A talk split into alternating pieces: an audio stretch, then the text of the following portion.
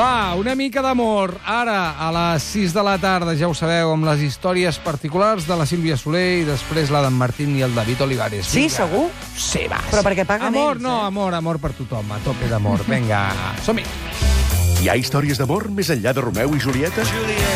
Oh, i tant, si n'hi ha. I ens encanten. I encara ens agrada més com ens les explica la ministra d'Afers Amorosos de l'Estat de Gràcia, Sílvia Soler.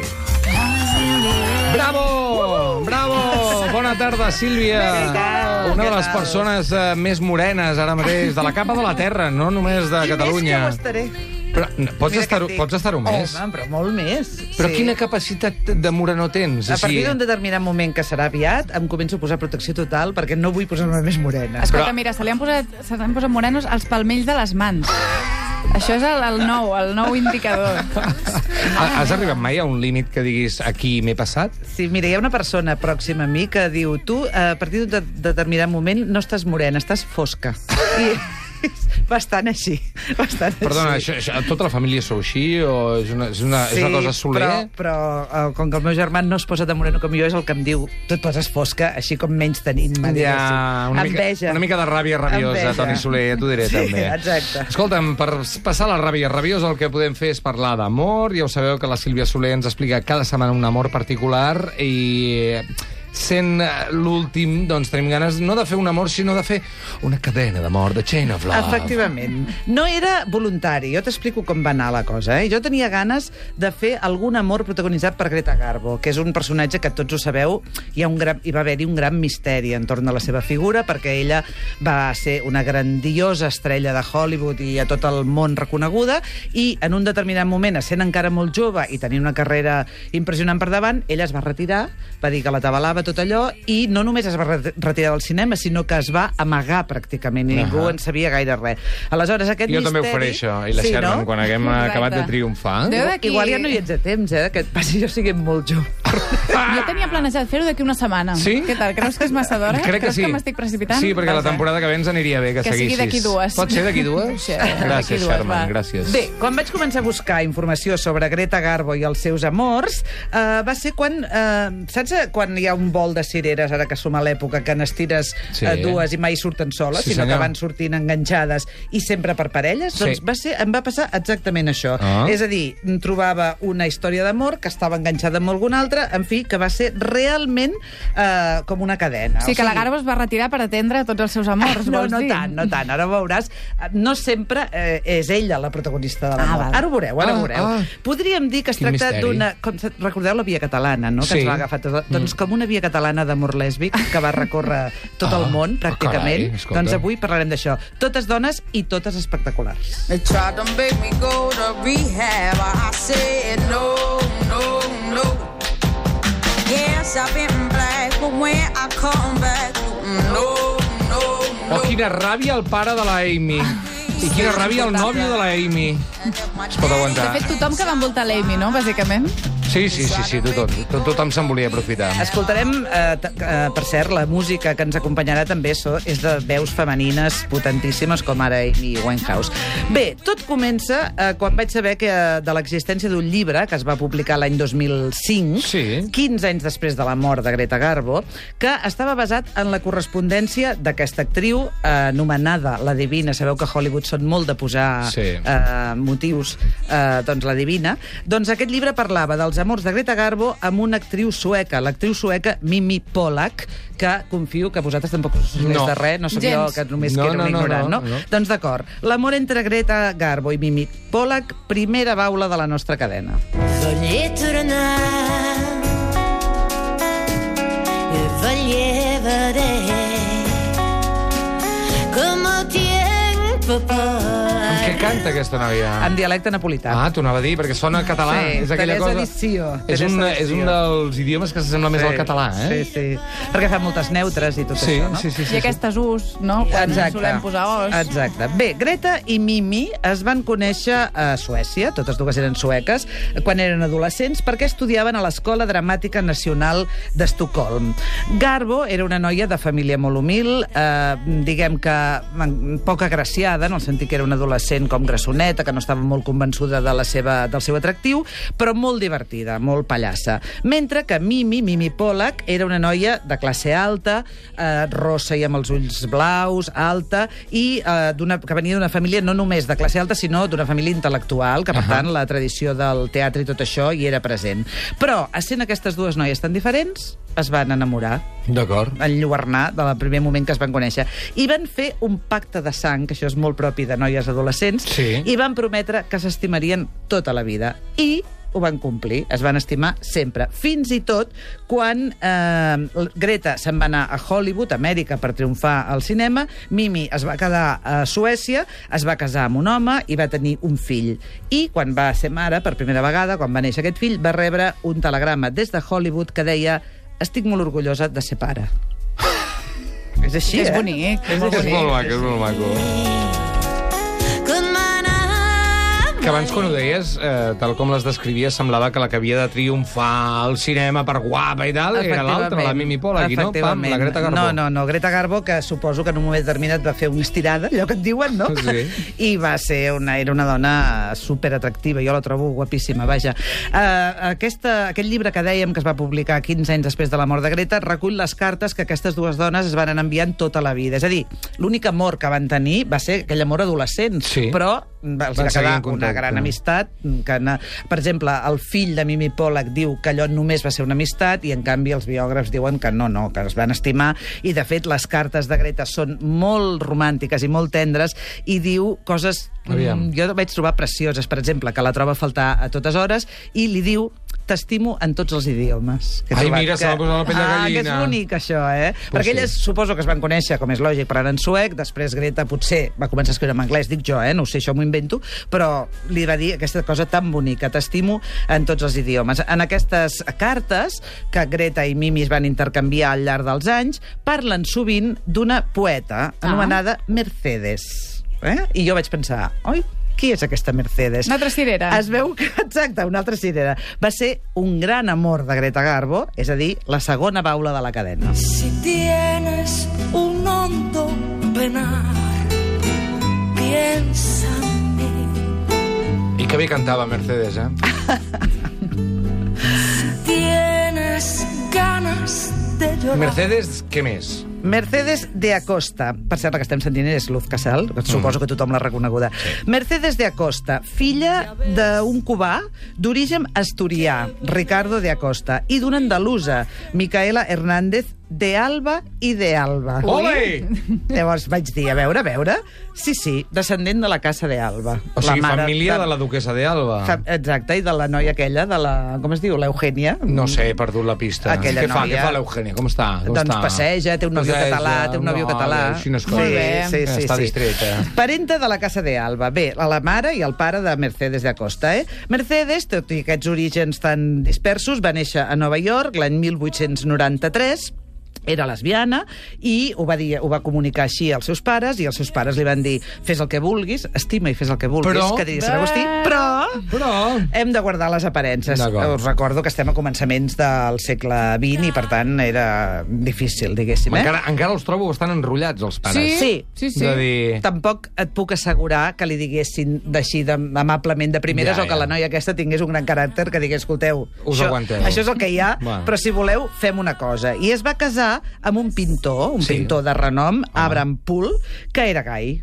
Ah, Molt I bé. aleshores van era un tracte, tenien acord, allà un, un, pacte, acord. un pacte, no? Cobrim les aparences, es veu que eren Dissimula bons amics, S.A., diguéssim. una empresa, Exacte. allò, pam. Escolta, van estar casats 15 anys. Home, clar, és que és la manera, eh? Vull dir, També t'ho diré, eh? La manera és que no hi hagi realment gaire res allà. Llavors segur, que, aguantes... segur que van ser molt feliços, Oh, clar. trobo. Això no Què ho tal? sé. Molt bé, i tu també? Ah, què, i la nit? Què? Ens veiem Com va per anar? dinar. Vinga. Això no ho sé. El que sí sé és que Mercedes no va perdre el temps mentre estava casada Clar. amb Abram i va tenir una llarga llista d'amants. La seva frase preferida, que ara us diré amb el meu anglès macarrònic, Sí. era I can get any woman from a man. Ai, és a dir, costa. mira. Ara, puc prendre-li eh, qualsevol dona a qualsevol home. ets una mica xuleta, també t'ho sí, dic. és, Perquè... Bueno, és que tenia un gran caràcter, Mercedes Ja. Acosta. Jo Potser se l'ha comprovat, eh? Sí, Potser sí, li potser venia sí. de la casa de Alba, Ah! que són el tipus. Sí, ja, ja així, venen no? una mica sobrats dic de jo, casa, eh, dic potser jo. sí. L'any 1931... Però has mirat fotos d'aquesta senyora? de Mercedes de Acosta. Les vaig mirar, però no recordo... No, No, no em devia impactar ni per bé ni per mal, perquè ara no recordo Va, gaire quin ara ho aspecte mirarem, ara ho tenia. Ara ho Era una bomba de Exacte. carisma espectacular. Sí, sí, potser sí. No, no, una bomba de carisma segur. Igual.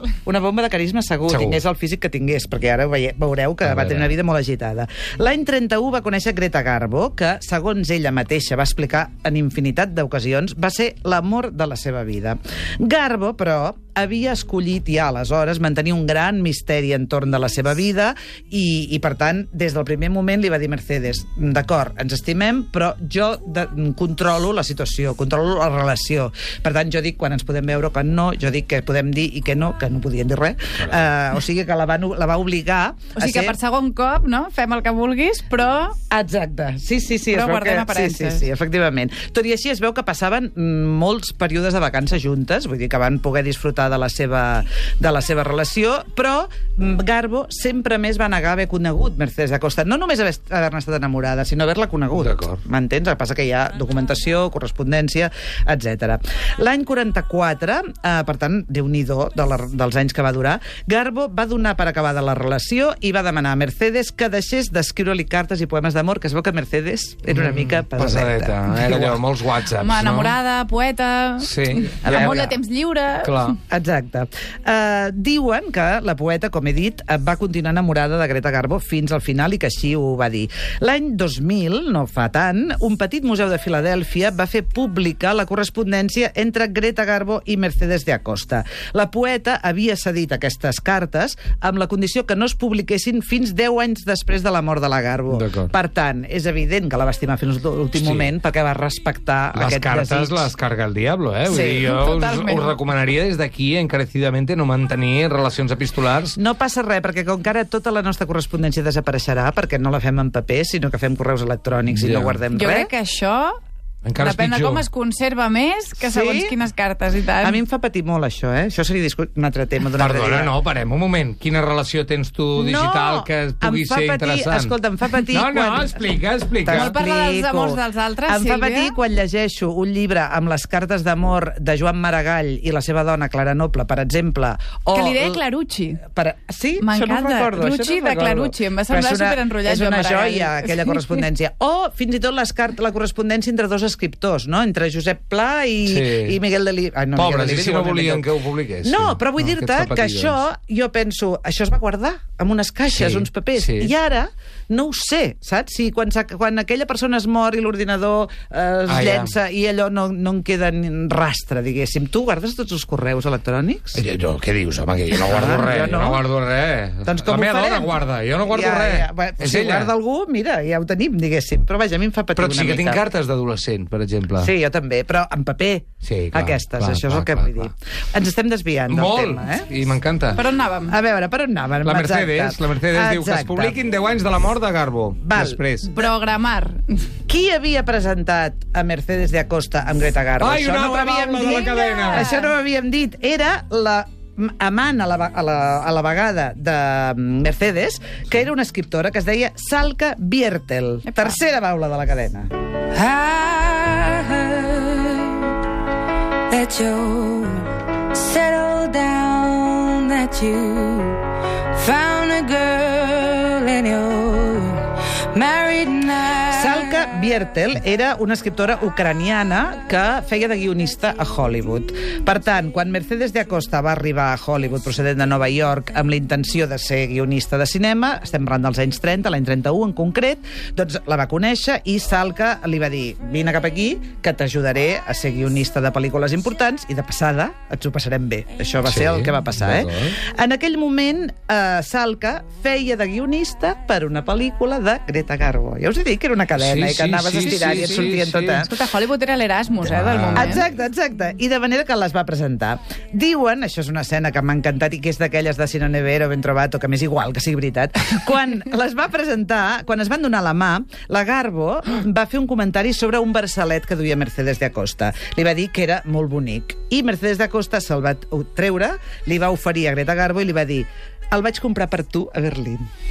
I les acabàvem de presentar. Ai, com ens tirem els trastos, eh? És mono, eh? És Com mono, volaven a m'encanta. Hollywood. Hosti, nano. Bé, eh, van ser amants i Salka va introduir Greta, que era molt jove aleshores, en el seu cercle d'amistats de Hollywood.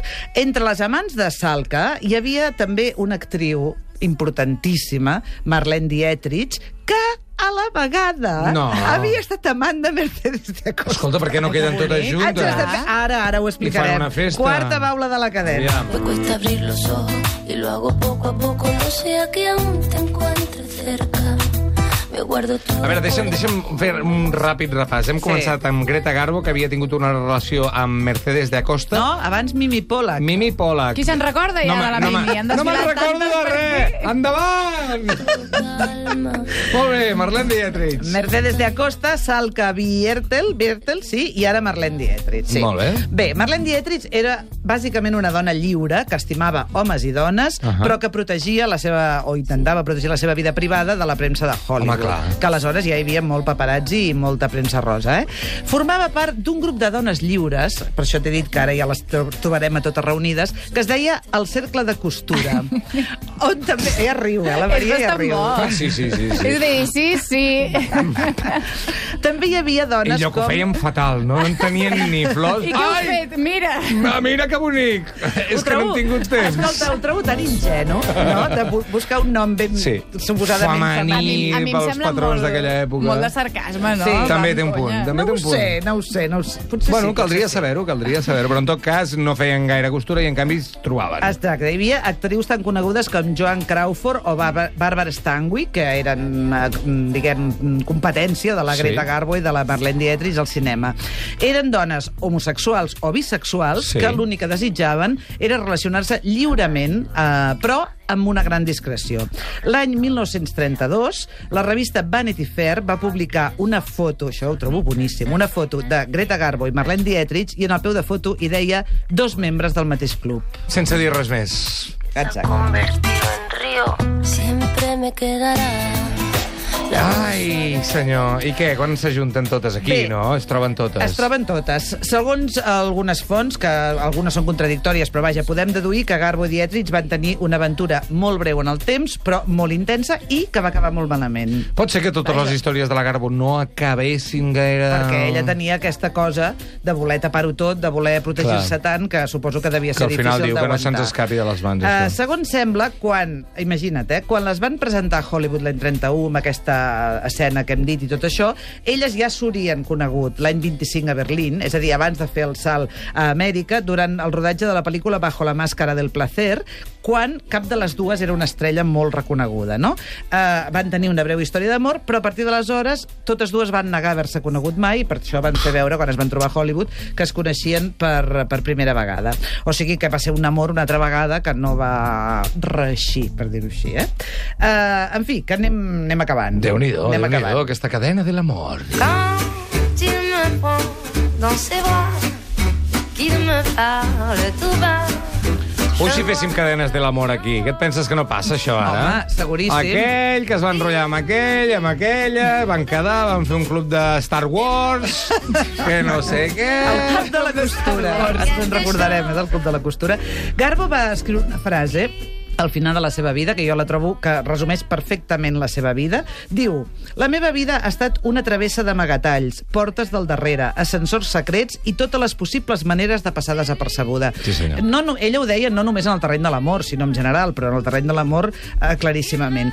I acabarem amb una anècdota que també m'ha semblat graciosíssima. Garbo tota la vida havia odiat els periodistes per aquesta mateixa Clar, obsessió per clar. mantenir la privacitat. Però en els últims anys de la seva vida es, fa, es va fer amiga d'un periodista suec, Sven Broman, i ell va escriure un llibre d'aquests anys, últims anys de relació i de conversa amb la Garbo. En el llibre eh, diu que explicava ell. Un dia passejàvem, Greta Garbo i jo, i un alemany que duia una càmera penjada li va deixar anar «Vostè és Greta Garbo?» I ella va respondre «De vegades», i es va girar. Quand il me prend dans ses bras. La cadena de l'amor per acabar la temporada. Sílvia Soler, moltes gràcies. Que tingueu un bon estiu. Sí, senyor, la temporada que ve t'esperem aquí. Ens retrobem, I tant. Amb més retrobem. amor. I, I molt més morena, no? Com sí, vindrà? sí, Ah, em tinc temo por. que sí. La reconeixerem? Ah. No ho sé. Crec que absorbirà tota la llum de l'estudi, Digue'ns pel nom quan vinguis. Gràcies, Sílvia. Adéu. Il est entré dans mon cœur. A Catalunya Ràdio, Estat de Gràcia, amb Roger de Gràcia.